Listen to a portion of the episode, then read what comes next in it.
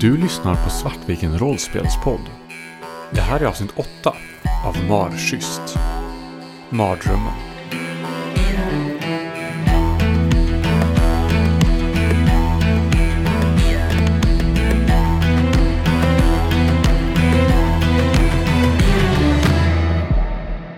Matilda kommer tillbaka. Hon har hittat levande ljus som hon har tänt med, med en tändare.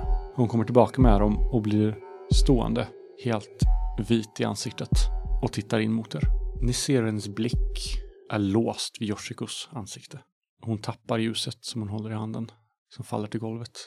Sen backar hon bakåt. Vad, vad, vad är det här? Vad, vad, vad, vem, vem, är, vem är du? Hon backar undan. Vad är det, vad är det som händer? Vem? Vad? Men du, du, hur? Hon är, kan inte få ut en enda mening ordentligt. Jag rullar lite på ögonen i mörkret. Jag har inte tid med henne nu. Och jag har inte tänkt på hur de andra kommer reagera när de ser Yoshiko. Så att när hon stannar upp så förstår jag först inte vad hon tittar på. Hon kanske är orolig för eh, Elias. Men sen tittar jag bort mot Yoshiko och tittar på henne. Vi får ta det sen. Yoshiko tittar tillbaka på Matilda med en oförstående blick så att hon inte förstår varför den här för henne okända kvinnan reagerar så på henne. Sen märker ni att någonting börjar gå upp för Yoshiko. Ett igenkännande.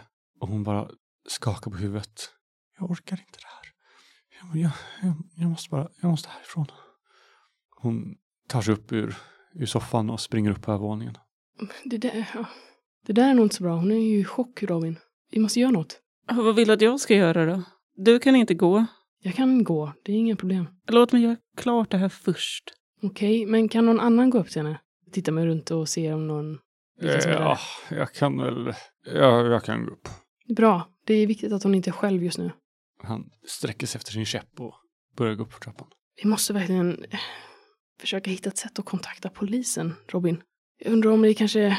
Kommer du ihåg om det fanns några grannhus här på vägen? Jag bara skakar på huvudet. Jag har tagit upp ljuset och börjar göra det absolut sista på dina fötter. Nej, jag tänkte inte på sånt. Det är jag. Jag hör mig själv börja säga vem det är som brukar ha koll, men avbryter mig. Nej, nej, jag vet inte. Det är rätt långt ut i skogen. Ja, det känns dumt att chansa. Men vi behöver verkligen ha tag på antingen en bil eller någon form av telefon eller uppkoppling. Ja, men eh, Erik gick iväg och försökte titta på elen i alla fall. Ja, det är Jag det är ju fattar inte att din bil inte funkar. Nej, jag har en eh, misstanke om att ingenting kommer fungera här på ett ganska bra tag. Vilket är varför jag tror att vi kanske potentiellt behöver ta oss härifrån. Det är inte, det är inte naturligt det som sker här, Robin. Va? Det är ju inte naturligt det som sker här. Att, att, att Yoshiko kommer tillbaks efter, efter tio år. Att min bil inte fungerar. Antagligen inte någons bil som står här. All elektricitet bara försvinner sådär. Jag sätter sista snäppet på bandaget som jag lindat under dina fötter. Ja, vad ska vi göra då? Jag får tag på Nils. Jag har någon som, som kanske kan ha en konstig förklaring på det här. Men det måste vi få tag på en telefon. Vi måste på något sätt ta oss tillbaka in till Uddevalla. Vi, vi måste ju ta Yoshiko till polisen eller sjukhuset. Eller både och. Antagligen både och. Ni hör klickandet i trappan igen när Roger kommer ner. Ja, hon, eh, hon har lagt sig och, och, hon somnade nästan, nästan omedelbart. Hon är, verkar vara oerhört trött. Jag funderar på om det bästa är om vi låter henne sova och vila ut sig. Hon verkar inte vara fysiskt skadad i alla fall. Hon är totalt traumatiserad, Roger. Du kan inte lämna henne själv där uppe. Även om hon sover. Han vänder sig om och går upp igen. Och hur är det med dig då? Jag tittar på dina fötter och dina handflator. Jag är chockad. Vilket nog alla är vid det här laget. Men utöver det så är jag okej. Ja, Du då? ja, det måste vara... Jag har ingen aning. Jag förstår ingen aning. Jag är nog minst lika chockad som du. Ja, fast jag kanske inte riktigt lika med tanke på hur smärttålig du är. Men du, när du, när, när chocken släpper. Jag har några smärtstillande som du kan behöva sen. Okej. Jag väntar, stanna kvar här. Okej. Jag springer på mitt rum och hämtar några större Alvedon och Ipren och kommer tillbaka. Elias har nog rätt i att det chocken kan ju faktiskt göra sånt här med människor. Men du Elias, när, ta två Alvedon och, och en Ipren om, om du börjar känna det. Och då får du se till att vila. Och gå inte för mycket nu. Ja, det, det kan nog bli svårt Robin, men, men tack. Jag uppskattar verkligen att du har lagt om mina fötter. Jag räcker upp ut ena handen för att hjälpa honom upp. Jag tar den. Jag tar eh, Alvedonen och Iprenen som du räcker fram. Och vad gör vi med alla andra nu då? Ska vi förklara det här? Jag har faktiskt ingen aning. Men det är väl bara att börja. Var, var tog Annie vägen? Ja, hur långt har Annie kommit nu på vägen tillbaka? Du har varit och hämtat dina kläder. När jag kommer tillbaka till huset och ser eh, ja, det krossade fönstret och dörren som står på vid gavel så blir jag plötsligt lite självmedveten och inser att jag går här med bara badkläder och en eh, handduk virad runt kroppen med kläderna i famnen. Så jag, jag börjar ta på mig kläderna i mörkret. När jag gjort det så går jag, istället för att gå in direkt så går jag och vankar lite grann fram och tillbaka och försöker bara på något sätt rationalisera hela den här situationen för mig själv. Jag förstår inte varför Matilda skulle göra något sånt här. Och jag kan inte föreställa mig vad det skulle vara som får henne eh, till det. Och jag går där ute och, och bygger upp lite frustrerad ilska över, över hela situationen. Hur hon kan vara så oansvarig så att hon låter, att hon, ja hur hon nu har gjort det men stängt av elen så här länge och allt det där. Så när jag väl eh, stormar in i huset så, så är jag ganska upprörd. Och jag tittar efter första bästa person egentligen. Och du ser det nu oss två som eh, är på väg ut. De flesta andra verkar ha dragits upp till sina rum.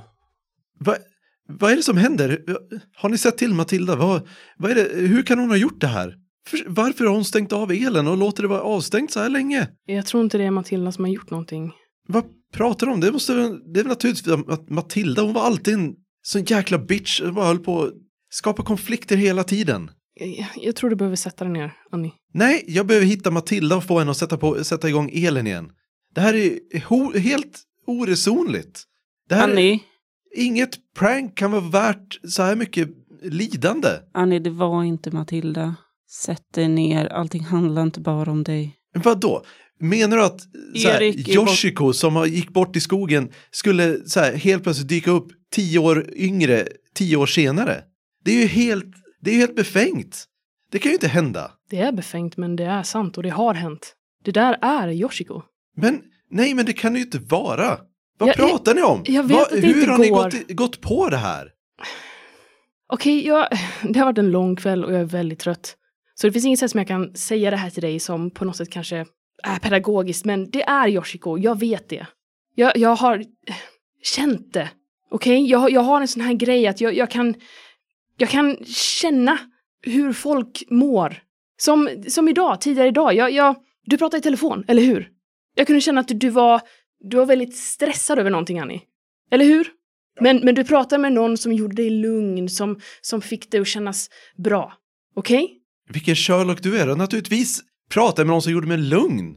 Det är Ja, en jättestressig situation här. Det finns ju inget sätt för mig att höra det genom dörren. Okej? Och- Eller att veta. Var det så du kände? Vadå inte finns och så här, De här dörrarna är väl inte ljudsäkra? Det är, det, jag förstår inte vad, eh, vad ni håller på med, men om ni är med på det här så är ni lika sjuka som Matilda är. Ah! Robin eh, har allt mer medan ni skrikit tagit händerna för pannan och sjunkit ihop och blivit mindre och mindre i Annis skrik och till slut så orkar han inte längre. Ah, kan du inte bara vara tyst någon gång? Det är en sjukt chockande situation för alla av oss men jag orkar inte ta hand om dig också just nu. Jag har precis lagt om hand om Elias. Erik och tittar på strömmen. Yoshiko är där uppe. Jag vet inte vad som händer just nu, men jag orkar inte med ditt skrik. Sätt dig ner. Ta hand om mig! Vad är det enda jag har gjort i hela, under hela tiden vi var tillsammans? Det är bara att ta hand om dig och dina behov och dina känslor. Vad menar du med det? Du försvann ju. Och sen så dök det upp någon, vad hette han, Jonas. Sebastian, v- Vad vad fan kom han ifrån någonstans? vad har Sebastian med det här att göra? Jag, jag, Du är, har alltid varit lika inkompetent som du är nu.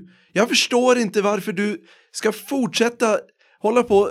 Åh, du, är all, du är likadan som du var på gymnasiet. Jag förstår inte varför, varför du, varför Elias överhuvudtaget är villig att prata med dig. Jag förstår mig inte på dig. Jag, jag förstår inte varför du är arg på mig med tanke på att det var du som stack. Vad, ha, vad annat hade jag kunnat göra? Under tre år och sen ytterligare ett och ett halvt år så fick jag dras med, med att ta hand om dig. Det fanns ju ingenting jag fick ut av vår relation, så varför skulle jag fortsatt vara med dig? Var kommer det här ifrån? Du sa ju hela tiden att du var så himla nöjd. Det är inte som att du någon, Ja, vad någonsin skulle jag annars ha ifrån. sagt? Jag så här, vänder mig om och börjar vanka mot eh, dörren och... Jag, för... nej, det här... Ni, ni är ju precis lika dumma i huvudet som Matilda och Joshko. Jag, jag måste komma på något sätt att komma härifrån. Det här funkar inte. Åh! Jag går upp för trappan mot mitt rum. Ja, där har du vad som hände, Elias. Hur shit. känns det? Allt är bara så mycket nu. Jag lägger en lite trevande hand på din axel. Jag trodde att hon skulle vara det värsta jag skulle möta nu. Hon behöver bara lite tid. För det är en svår situation. Det, det, hon har ju rätt, det kan ju inte hända, men det har hänt. Du måste bara ge henne lite tid att smälta det. Ja, hon såg ju inte Yoshiko där ute. Jag känner också att det, det måste ju vara hon. Hon såg inte den rädslan som Yoshiko hade där ute. Men jag visste inte om att du var... Jag visste att du var en bra människokännare, men så bra. ja, Elias ser lite förlägen ut. Det, alltså det är inte någonting som händer hela tiden, men, men ibland så kan jag känna sånt. Det måste vara tufft. Och så jobbigt. Det finns väl värre. Ska vi, eh, ja, vi Ja. kanske kolla till eh, Erik kanske? Ja, de, eh, de tar väldigt lång tid på sig nu. Eh, De behöver säkert hjälp med någonting. Jag tänker att Annie kommer att bara vara på sitt rum fram till eh, det solen går upp. Mer eller mindre. När vi går iväg bort mot eh, Erik för att kolla strömmen så kan eh, Elias inte riktigt sluta tänka på det som Robin sa. Att det måste vara så jobbigt att kunna känna vad andra känner. Och han känner verkligen inte igen sig i det alls. Det är ju enda gången han kan känna. Det är enda gången han kan förstå hur andra människor fungerar och faktiskt vara en del i det runt omkring honom. Vilket är varför han har stoppat ner Alvedonen och Ipren i fickan och inte planerar att, att ha dem. Allting som känns är bra, allting som känns är, är bortanför det tomrum som annars utgör hans liv. Ni hittar Erik, Matte och Tobbe i ett elskåp på baksidan. Matte och Tobbe står och, och bråkar med varandra högljutt om vad de tror kan vara problemet. Erik står och vågar inte riktigt säga, säga till dem att, att hålla käften, utan står och tittar på dem och gnuggar nervöst sina händer. Eh, ja, eh, eh, han försöker hela tiden bryta in i, i samtalet, men kommer ingen vart. Det är så ni hittar dem. Hur går det? Ja, nej, det, det går inte. Det är helt kört.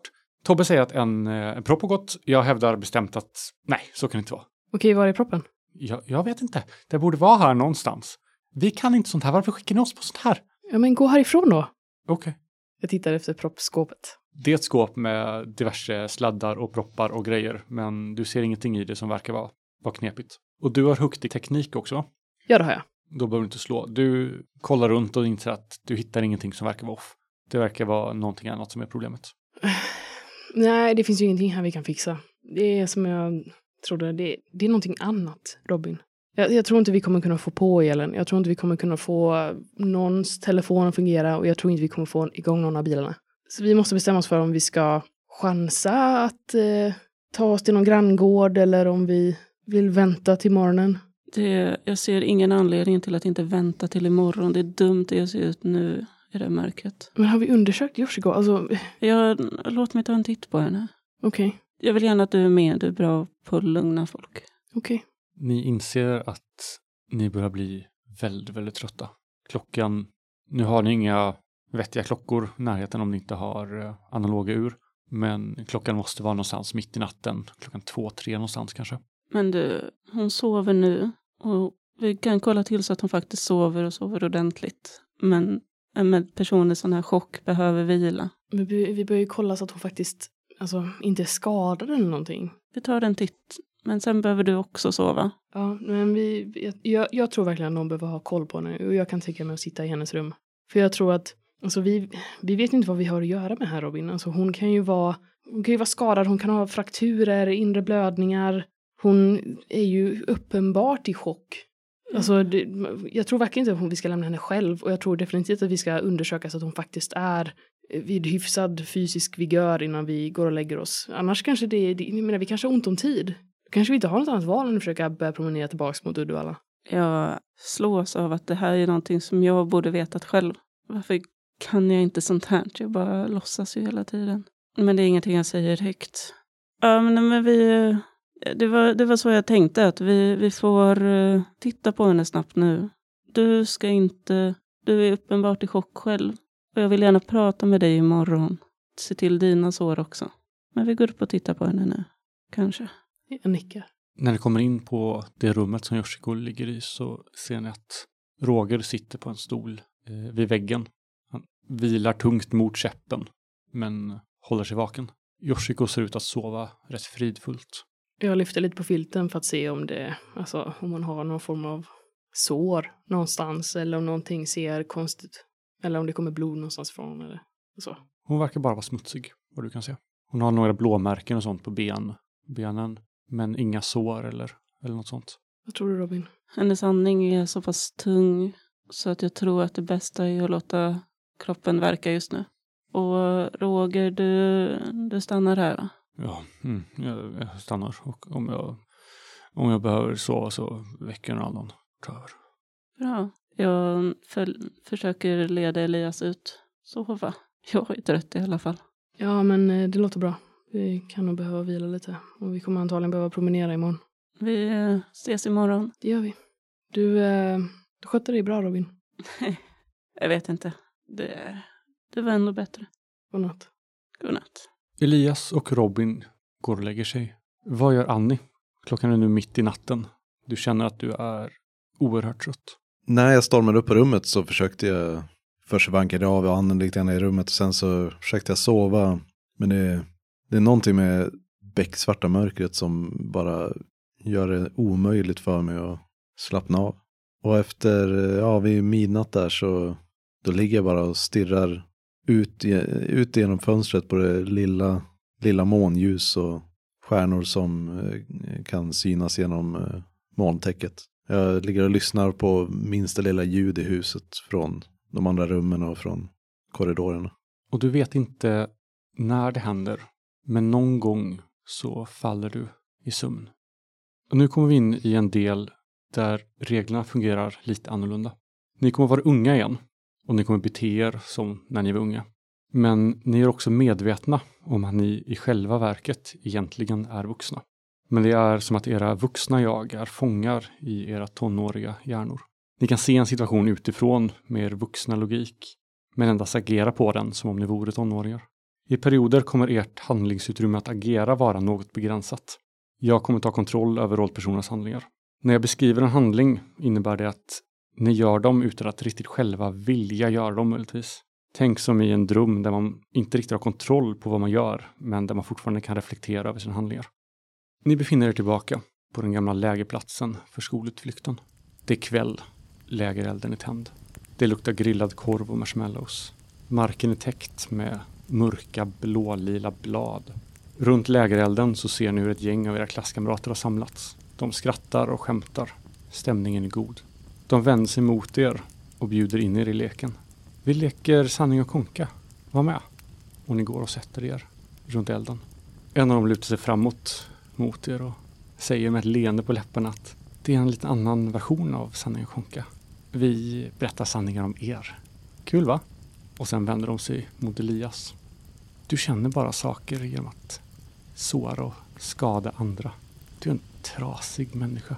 Det vore bättre för alla i din omgivning och närhet om du vore död. Din mamma har haft rätt om dig hela tiden. Din själ är förlorad. Det finns ingenting värt att rädda. Du är värd all den smärta du utsätts för. Visst är det kul med sanning? De tittar på dig förväntansfullt. Jag tittar på dem och sen tittar jag ner på ritblocket i mina händer och inser att jag har ju ritat en bild av mig själv. Det känns fel på något sätt. Det känns som att det inte, det här var väl inte det som hände. Hur ser ditt självporträtt ut? Hur har du tecknat dig själv? Hur ser du på dig själv i den här, i den här stunden? Det är ganska så uh, realistiskt. Istället för det här monstret med de här stora svarta ögonhålorna och tygtrasorna knutna i hornen så är det jag som eh, 18-åring. Och det är liksom inget anmärkningsvärt med bilden. Det är en 18-årig pojke. Men det jag ser är ju fruktansvärt. Annie, du sumpade din relation med Robin. Du kunde inte hålla ihop ditt förhållande med Sebastian. Tror du verkligen att du är förmögen att ha en fungerande relation? Ser du inte att du är dum till att vara ensam? Du är ett gift för alla i din närhet. Kul va? Allt blod rinner ur ansiktet på mig. Jag tittar mig först omkring lite nervöst och sen Jätteroligt va? Men vadå? Vad? Nej. Vad håller ni på med? Det här är väl inget kul? Kan vi inte leka riktigt sådana här konsekvens istället? Det här är en riktig sanning. Nej, det är det inte. Och det kommer få riktiga konsekvenser. Nej, Men lägg av. Kan vi inte... Jag försöker titta efter de här som eh, eh, var på väg ut i skogen och, och söp istället. Du ser Och- bara mörker i skogen. Och så här, fortsätter titta mig omkring och... Men lägg av, det, är, det här är faktiskt inte alls roligt. Robin, det är ditt eget fel att du misslyckas med allting du tar dig för. Du är ett våp utan stak att ta kontroll över ditt eget liv. Det är lika bra att du fortsätter jobba som, som eh, hantlangare på det där äldreboendet. Du är inte kompetent nog för att uppnå något eget med ditt liv ändå. Du är värdelös och det är ditt fel. Kul va? Jag har haft armen runt Annie och nu eh, släpper jag den och eh, känner hur eh, blodet rinner upp i ansiktet och jag blir röd av ilska. Nej, nej, det där är inte roligt. Ska du verkligen låta känslorna och ilskan ta kontroll över det? Du vet ju hur det brukar gå. Minns du inte hur du sparkade ner Elias? Tonade upp dig över honom? Kände dig mäktig för en gångs skull?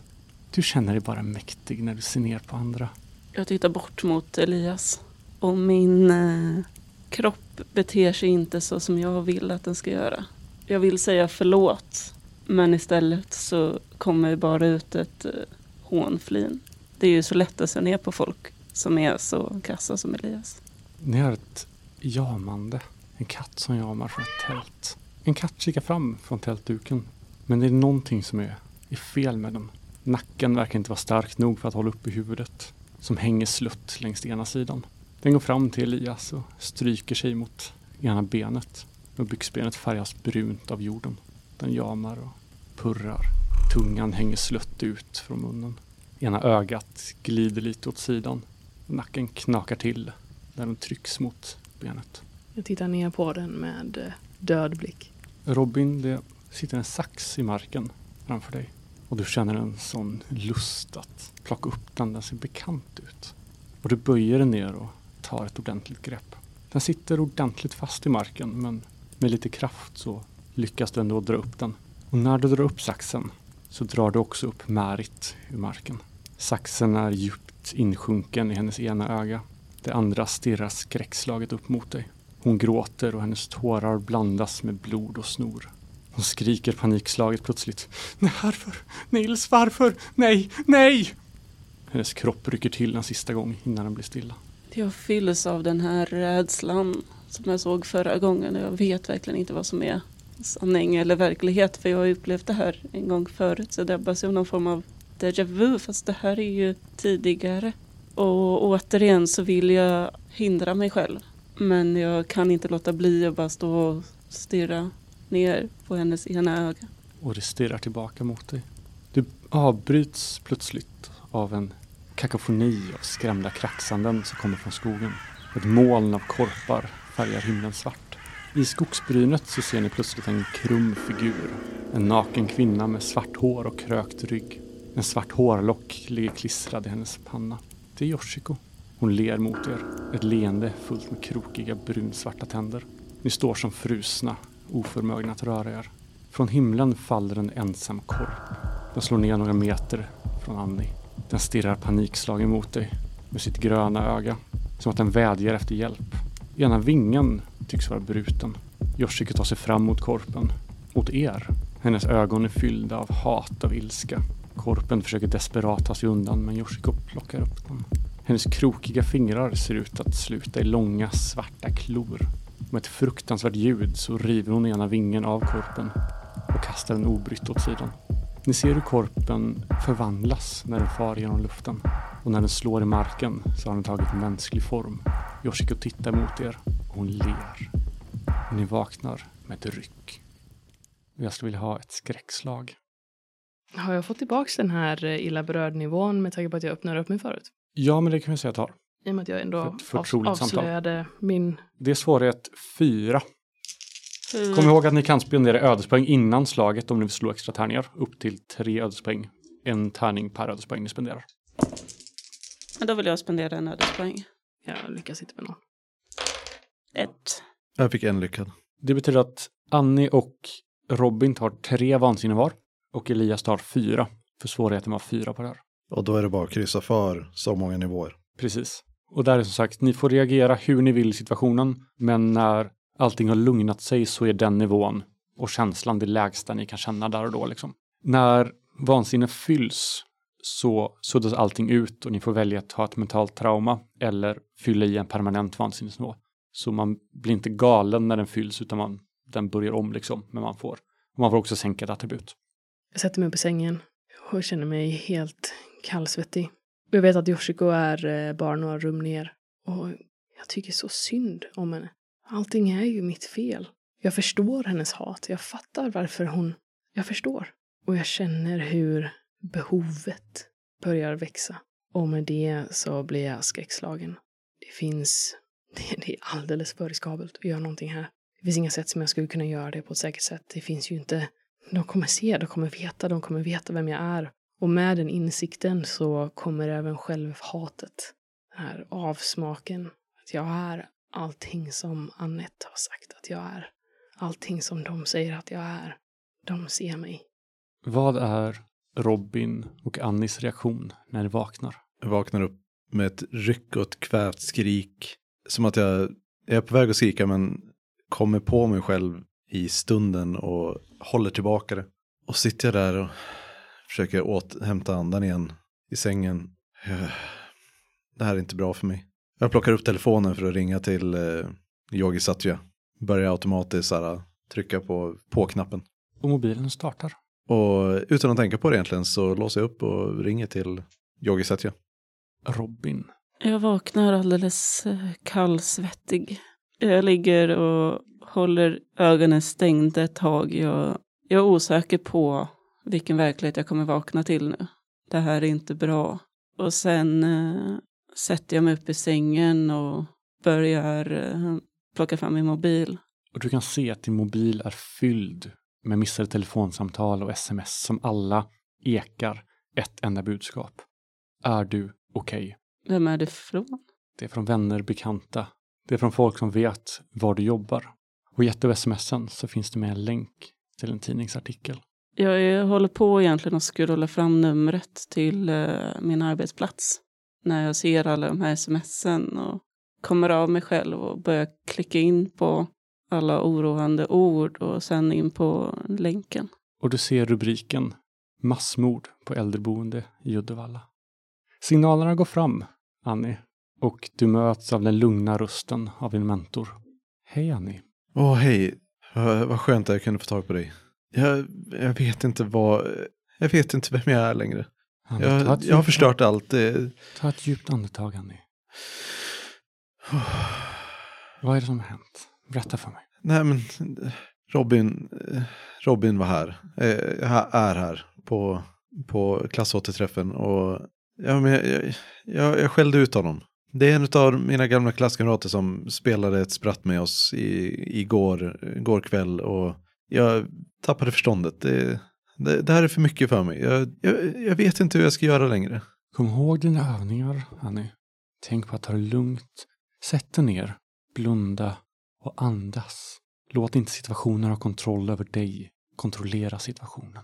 Och jag sätter mig ner på sängkanten och tar några djupa andetag och stänger ögonlocken. Låter mina tankar eh, svepa över min kropp som han har instruerat mig om så många gånger tidigare. Medan han bara talar lugnande till mig i telefonen. Och han går igenom sitt mantra som ni har, har gjort tillsammans så många gånger förr. Och du känner en, ett lugn svepa över dig. Du kan stryka ett kryss vansinne. Det Robin läser i den här artikeln är följande. En boende på äldreboendet Trygga Rum ska ha attackerat anställda och andra boende på hemmet med kniv natten till idag. Enligt uppgifter rör det sig om ett stort antal döda och skadade. Fyra personer vårdas nu på sjukhus. Deras tillstånd är kritiskt. Den misstänkte är en 72-årig man boende på äldreboendet. Mannen är på fri fot och bedöms vara beväpnad och farlig. Polisen uppmanar alla i Uddevalla att inte röra sig ute på egen hand.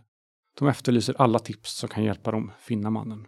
Och nedanför finns en bild som du mycket väl känner igen som Nils. Jag sitter bara och tittar på bilden. Eh, det är knappt så jag tar in vad som står. Och läser det om och om igen för att förstå vad det är som står. Nej, det här kan inte stämma. Jag måste ringa till vårdboendet och det måste vara någon som är ute efter Nils. Nils. Det är han som borde ha alla svar nu. Jag börjar slå in telefonnumret till mitt jobb. Signalerna går fram. Ingen svarar. Jag ringer igen Än en gång, inget svar. och en tredje gång. Samma resultat. Så sitter jag bara och tittar på telefonen och skakar på huvudet. När Annie har avslutat sin guidade meditation med Yogi Satya och tackat för samtalet och stö stödet som hon fått så, så går Annie ner i köket och börjar på sätta igång en eh, kanna te med det te hon eh, tycker sig minnas att eh, Robin drack när vi precis hade kommit till huset. Eftersom hon inte vet vilket rum Robin är, eh, bor i så väntar hon mest på att han ska dyka upp. Och så småningom så börjar Robin klä på sig kläder. Han har fortfarande mobilen i ena handen och tittar på den medan han tar på sig med den andra. Och han börjar eh, ta sig ut eh, ur rummet och jag börjar liksom söka på andra, googla på om det finns mer om den här händelsen. Det verkar vara samma information överallt. Det finns till och med en Flashback-tråd där de namnger Nils och ett antal andra av dina kollegor och boende som har mist livet. Och jag förkovrar mig i det här och i min egen skuld. Jag kunde inte ens vara där. Jag hade kunnat göra någonting eller om inte annat så hade det här varit över. Därför var jag inte där. Jag det hade förtjänat att försvinna mycket mer än vissa andra. Och du var ju den enda på boendet som hade riktigt bra kontakt med Nils. Du hade kanske fått honom att, att inte göra det här. Du kanske hade kunnat stoppa det här. Du hade kanske kunnat rädda dina kollegors liv om du bara inte hade varit på den här dumma återträffen. Ja, inte ens det kan jag göra rätt. Jag kommer ut i köket iklädd ett par mjukisbyxor och eh, bara näsan djupt försjunken i telefonen. Jag går bort mot tekannan. Det är knappt så att jag märker Annie. Jag möter upp dig med en uh, kopp te utsträckt. Ja, Robin, uh, jag hoppas få träffa dig.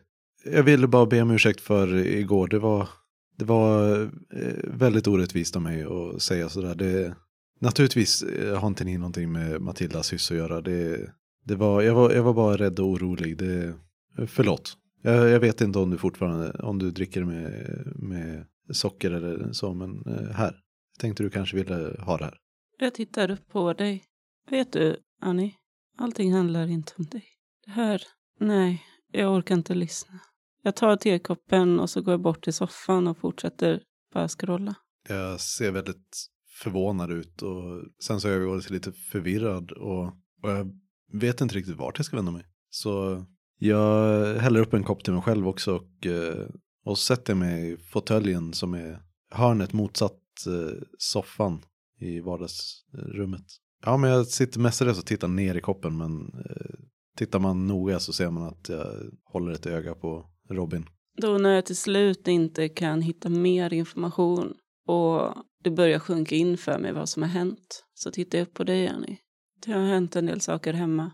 Det, jag vet att vi, mycket har hänt. Men just nu klarar jag inte av en till person som ljuger. Jag så förstår, vad vill du? förstår inte vad du menar. Vadå ljuger? Jag, jag ljuger inte. Den enda personen som aldrig spelat för mig vet inte vad det är som har hänt. Men du ser igenom ditt skal, Annie. Varför ska du vara så orolig över vad andra tycker? Va, va, vad menar du? Det känns som att du anklagar mig för någonting nu som jag, jag förstår inte alls vad du... Jag, jag vet att, vår, att uh, vår relation slutade på inte jättebra sätt men livet går ju vidare. Varför är, är, är du fortfarande så arg på mig? Nej. Det var ju du som inte aldrig brydde dig om vår relation. Var, Jag var bara eftersläp för dig för att, vad, vadå? Var jag bara där för att du ville visa upp mig eller vad, vad var det för någonting? Jag var där för att du ville visa upp mig. Var det inte så? Visa upp dig? Jag reser mig upp ur fåtöljen och ställer ner koppen på bordet vid sidan av. Eh, Vad gjorde du i Stockholm egentligen? Jag åkte dit, jag spelade med bandet och sen pluggade jag för att vi skulle ha någonting att bo. Det är ju du som hakade efter mig. Men jag trodde att du ville ha mig där. Det var väl det enda som spelade en roll för dig. Vad du ville ha. Vi skulle till Stockholm för att du skulle bli stor. Men titta på dig nu. Vart fan, vad, vad, vad hände med dig? Du, hade, du trodde i alla fall att du hade ambitioner när du var yngre. Jag så här, börjar på att storma ut från vardagsrummet igen. Det var för mycket nu. Hade du stannat kvar så hade du nog sett en stilla tår som rinner ner för Robins ögon. Och sen eh, slår han igen eh, telefonen. Vet jag något ställe som Nils har pratat om? Någonting han tyckte om eller ett minne han har berättat om? Någonstans där han kan ha tagit vägen, som bara jag kan veta. Ja, har du det? Vill du kanske etablera en tillbakablick här? Ja, nej men jag vill ehm, etablera en tillbakablick. Det är första gången som eh, jag faktiskt började se Nils som en eh, person som jag gillade att hänga med. Jag vill ha den här tillbakablicken för att hitta ett ställe som eh, Robin tänker sig att Nils kan vara på eller någonting som vi har gemensamt. Och det är första gången som vi börjar prata lite mer. Nils sitter inne på sitt rum och radion är igång eh, samtidigt som jag kommer in och ska eh, säga till att det är mat. Och man hör en eh, gitarr plinkande och sen en populär killröst som sjunger. Det är min bror. Och precis när jag kommer in så tänker jag att... Och jag fastnar lite i dörren av att höra Joakims röst. Men sen så vänder sig Nils om mot mig och säger någonting om att eh, slå av den här musiken. Den här gamla gubben, gamla mannen Nils, han, han vänder sig mot dig. Kan inte du sänka eller stänga av den här musiken? Den, är, den får mig att eh, känna mig otillräcklig. Jag vet inte riktigt varför, men av, av någon anledning så känner jag att jag, jag bara inte räcker till. Jag stannar upp och det är första gången som någon säger att de inte tycker om Joakims musik. Nej, jag är inte så förtjust i han heller. Ja, han, han verkar rätt eh, populär, men jag, har, jag, ser, jag ser inte tjusningen i det.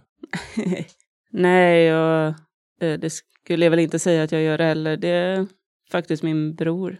Jaha, ja, eh, då... Eh, nej, men det, det har det inte så. Han, eh, han är bara inte riktigt min musiksmak, kanske. Vi, eh, jag kommer ihåg hur jag en gång lärde upp honom på, på Folkets park här, för hans första spelning. Det var jag och han ihop, men sen gick väl han ett lite annat spår. han nickar förstående på ett sätt du kanske inte upplevt så många gånger tidigare. Ja, Men du, eh, har du varit på Folkets park? Du måste nästan varit med när det byggdes. Ja, jo, jag, jag är från trakten och som ung så var jag mycket i Folkets park och då fanns en, en dansbana där ute som jag, ja, jag, ja, jag träffade många vackra flickor där i min ungdom. Och Nils pratade ju ofta om sina vackra flickor och de han träffade i sin ungdom. Så att eh, det är det första minnet som Robin drar sig till. Att det, det kan vara en av de sakerna dit eh, Nils vill gå. Och i Folkets park så finns ju fortfarande den här gamla dansbanan kvar. Den är ju renoverad och så och det spelar fortfarande ibland band där. Folkets hus ligger i närheten. Ja, Nils pratade mycket om, om kvällarna han har spenderat där. Och vilka band och artister han har sett och lite fräcka historier om, om damerna han, han träffat. Han var ju bra på fräcka historier. Det var det med ett konstigt leende och klump i magen samtidigt som jag minns tillbaka till det här. Jag förstår inte att Nils skulle kunna göra så här. På något sätt så är det som att det fortfarande måste vara en dröm. Du har lyssnat på Svartviken rollspelspodd som spelar Skrumt. Skrumt är skrivet av Kristoffer Warnberg och ges ut av Bläckfisk förlag. Musiken är gjord av Alexander Bergman.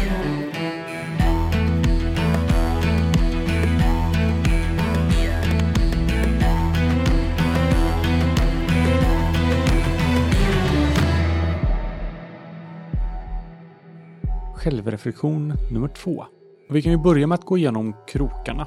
Är det någon som känner att ni har uppfyllt eller aktivt liksom arbetat mot att uppfylla en krok under spelmötet? Anledningen till att Anne försöker försonas med Robin är ju för att eh, just kunna återuppbygga sin sociala status. För det funkar ju inte om hon, är, om hon upplevs som bitter eller ovän med andra. Speciellt Robin som var en ganska viktig person för hennes status i gymnasiet. Så jag skulle påstå att eh, Annie har gjort det i alla fall. Känner ni andra det också? Mm. Då kan du ta ett erfarenhetspoäng för det. Men du behöver inte sudda ut den eftersom du inte har uppfyllt den liksom. Jag tycker ju att jag absolut har försökt konfrontera Annie över hennes falskhet.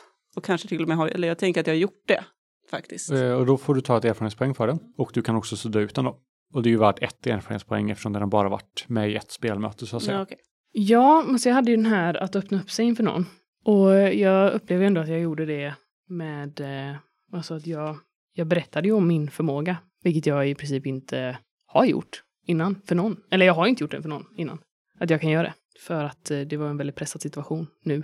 Så det är lite slank ur mig. Så det, den är ju typ färdig, tänker jag. Mm. Håller ni andra med? Eh, Jag vet inte vad som hände medan jag blurrade så att eh, men är det bara det som Det var bara det i förmågan. konflikten du tänker på? Eller? Ja, det är bara det i konflikten. Ja, technically. Ja, lite så. Eller vill vi, för du får ju fortfarande erfarenhetspoäng för dem. Men om du vill kan du ha kvar den liksom. Och alltså spela på den igen om du vill öppna upp För jag tänkte att jag ska byta Mer. ut den nämligen. Till Ja. ett, eh, ja, jag antar att vi tar de andra krok, nya krokarna sen. Och det, du kan ju alltid byta ut den även om den inte är uppfylld så att säga. Men du får ju ett erfarenhetspoäng nu för den eftersom du har arbetat mot den Ja, oavsett. precis. Men jag tänker, alltså jag förstår ju vad ni menar, man kanske ska sitta ner och vara lite så här heart to heart, men jag tänker ändå så här, ni vet ju ändå någonting väsentligt Mm. om mig nu som ni inte visste innan.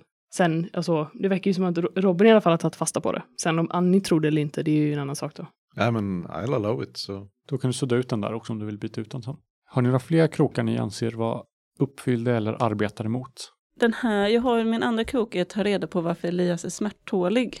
Jag är lite så här, jag har ju arbetat mot det under natten. Robin är ju nöjd med sitt svar tills han kommer möta Elias idag. På så sätt att, eh, så jag tror att jag vill låta den ligga kvar. Men eh, att jag har jobbat mot den, för min, eh, svaret som Robin fick var ju kock. Och det är ändå rimligt i den här situationen.